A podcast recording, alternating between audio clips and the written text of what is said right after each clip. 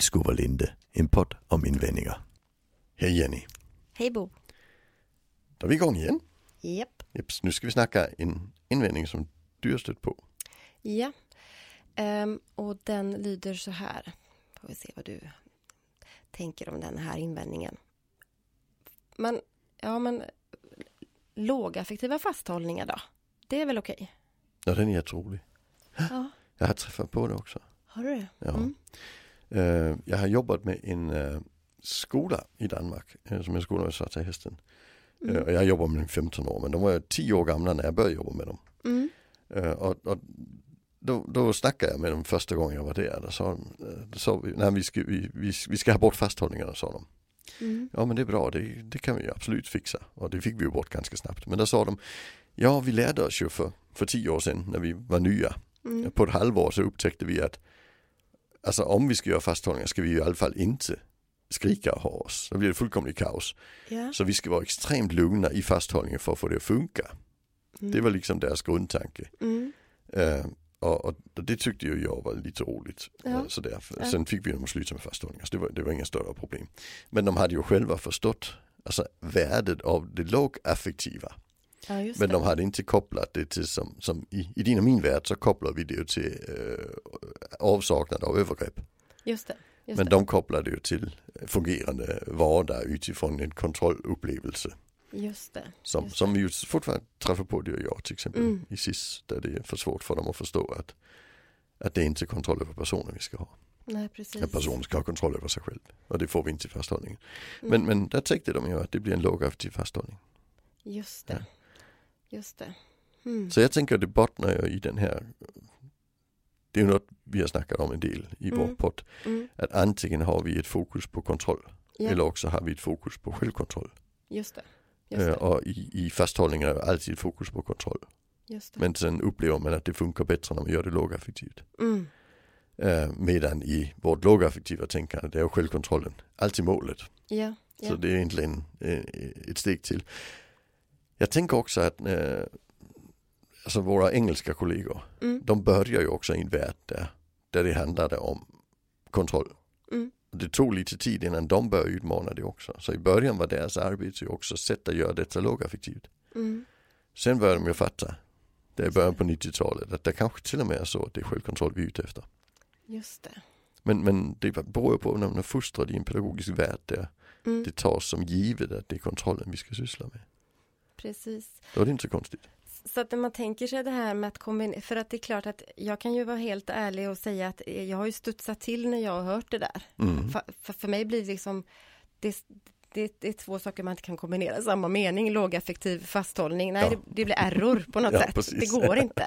Men, men, men när, nu när jag liksom hör detta perspektivet också så kan jag tänka att ja, men, det är klart att det, det är ju, om vi ser det som ett steg på vägen mot någonting, Mm. då är det ju, då är ju det liksom, men det är ju helt, ja men då, då, då blir det en helt annan sak. Ja, det är ju bättre än en högaffektiv Ja, fasthållning. ja, men det är fortfarande tydligt att det är ur ett kontrollperspektiv man pratar om det. För att Mm. upplevelsen, om vi, om, vi, om vi bortser från riskerna med en fasthållning, de fysiska riskerna, men om Mm. man tänker de psykiska, trauma, poten, potentiellt traumatiserande riskerna, så spelar det ju inte så stor roll om, om alltså jo det är klart det, det blir en ja, viss del, men oavsett hur Mm. lågaffektiv man tycker att man är när man brottar ner och håller fast, lägger ner eller trycker upp mot väggen, upplevelsen för individen, Mm.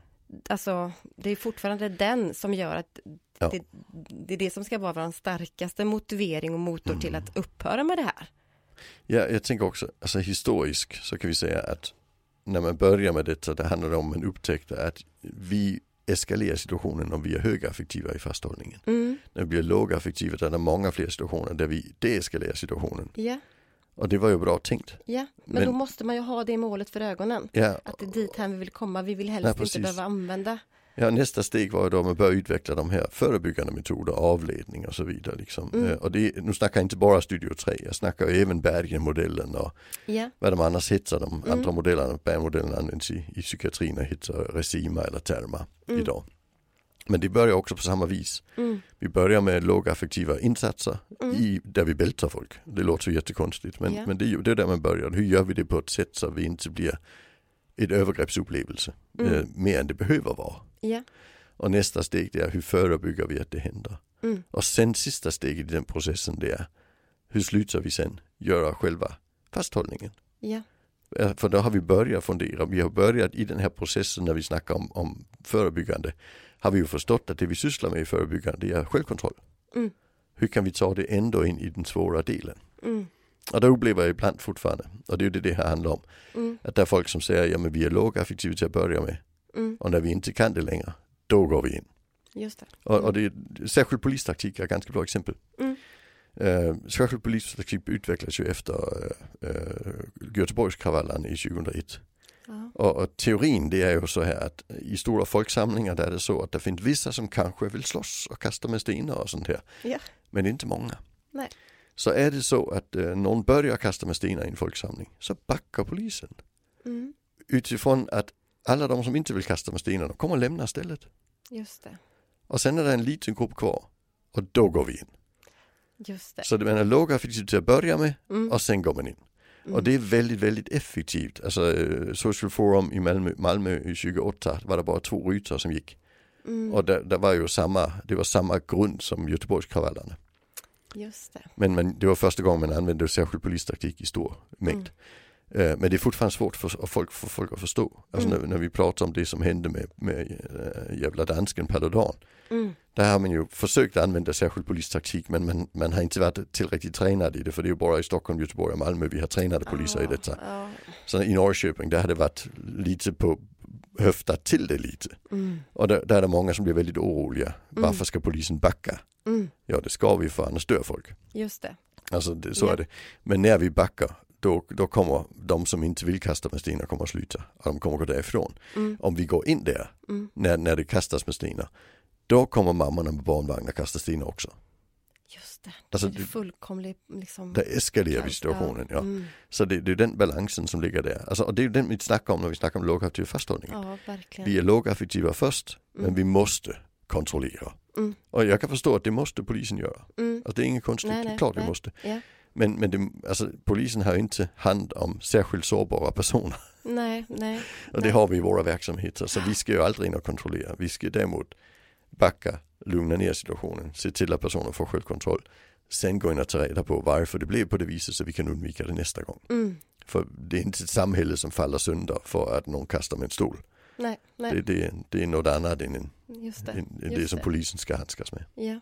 Och det, här är det ju, nu är det ju faktiskt, skulle jag säga, det är, liksom, det är ju han, det är riktigt finlir vi snackar om här nu då? Mm. För att det är ju det som också är men samtidigt inte, ja det är finlir när vi sätter ord, det kan låta liksom när man sätter ord på det och petar i det, men det är ju det här som gör, tänker jag, som, är det, eller som avgör skillnaden på att även i då verksamheter som man, inte polisen, men andra verksamheter som till exempel SIS som har särskilda befogenheter som får Mm. ingripa fysiskt Ja. med, kontro med kontrolltekniker. Liksom, tekniker.